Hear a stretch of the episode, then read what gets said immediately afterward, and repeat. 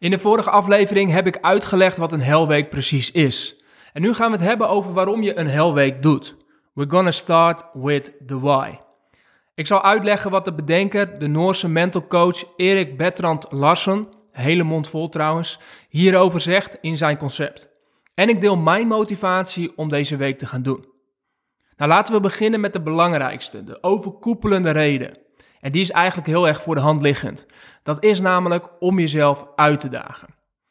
In het boek schetst de schrijver een duidelijk beeld van hoe het kan lopen in het leven. En misschien herken je dit wel. Je hebt al heel veel gedaan. Je hebt al veel bereikt. Mensen kijken vol bewondering naar wie jij bent en wat je doet. En je krijgt applaus voor je werk. En je hebt misschien al alles wat je altijd al wilde. En toch voelt het ergens niet goed. De reden is vaak dat je jezelf niet meer echt aan het uitdagen bent. Je bent in een sleur terechtgekomen.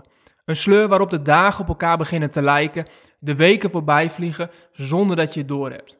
Dagen worden weken, weken worden jaren.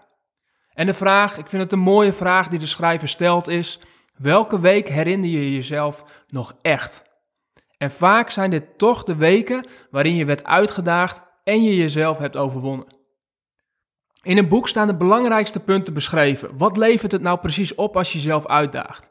Hierin komt het volgende naar voren. Allereerst, weerstand maakt je sterker. Als je de weerstand durft op te zoeken, zul je merken dat het je krachtiger maakt.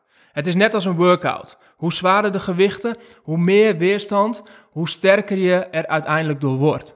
Ook al is het niet altijd prettig op dat moment zelf. En we zijn snel geneigd om de veiligheid op te zoeken of het comfort.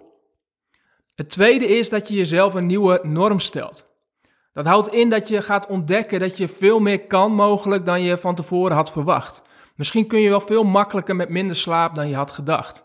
Of misschien kun je wel veel productiever werken en veel meer focus en concentratie aan de dag leggen.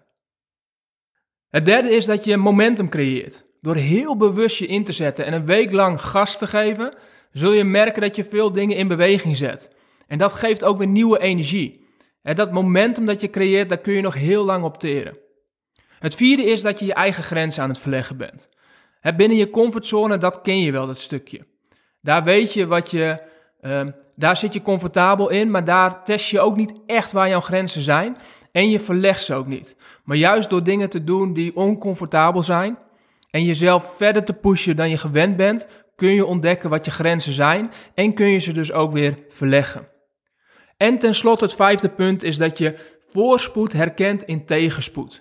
En dat wat daarmee bedoeld wordt is dat je gaat merken dat je juist op momenten dat het zwaar is, juist als je zo'n helweek doorgaat, waarin je lastige momenten uh, gaat ervaren, waarin je mogelijk geen zin hebt om uit bed te gaan, waarin je mogelijk geen zin hebt om uh, keihard te blijven werken, of waarin je je afleiding mist van social media, dan ga je merken dat aan het einde van de rit, op het moment dat je die week achter de rug hebt, je eigenlijk echt het lekkerste gevoel hebt.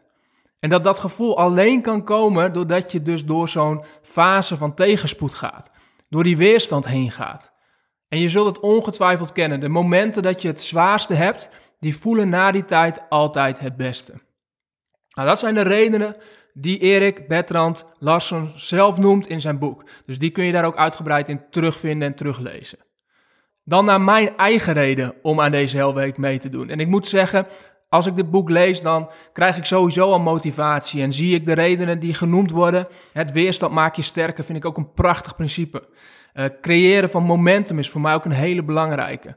Um, het verleggen van mijn eigen grenzen hoort er ook zeker bij. Dus ik erken een hele hoop wat er beschreven wordt. Maar als ik kijk naar mijn eigen belangrijkste reden, is die heel simpel. Als performance coach daag ik dagelijks anderen uit. En dat kan ik alleen doen als ik mezelf ook constant blijf uitdagen om te verbeteren. Op alle gebieden in mijn leven. Het kan niet zo zijn dat ik anderen uitdaag om buiten hun comfortzone te gaan, terwijl dat ik zelf lekker in mijn eigen comfortzone blijf zitten. En daarom zoek ik regelmatig nieuwe uitdagingen en experimenten op. En dit keer is het de Helweek. En die heb ik gekozen omdat eigenlijk alles erin zit. Het gaat over hard werken. Het gaat over het opzoeken van oncomfortabele situaties, zoals minder slaap. Um, het gaat over aanwezig zijn in het hier en nu en productief zijn. En het gaat over goed voor jezelf zorgen. Oftewel, een prachtige uitdaging om mezelf in uit te dagen, zodat ik ook voor mezelf met recht en overtuiging weer anderen kan uitdagen om hun grenzen te verleggen en het beste uit zichzelf te halen. Nou, terwijl dat ik dit opneem, is het half acht ochtends op de eerste dag, maandag. Ik ben om vijf uur opgestaan, heb er al een dikke workout op zitten. Ik heb gemediteerd. Ik ben er klaar voor en ik heb er zin in. Let's go met die helweek. In de volgende aflevering ontdek je hoe je je voorbereidt op de helweek. Waarin ik ook mijn persoonlijke doelen voor deze week zal delen. Ja, en dan gaan we ook echt beginnen. Dan neem ik je mee in de eerste dag. Mocht je dit allemaal rustig terug willen lezen, dat kan. Ga daarvoor naar geerthidding.nl slash helweek.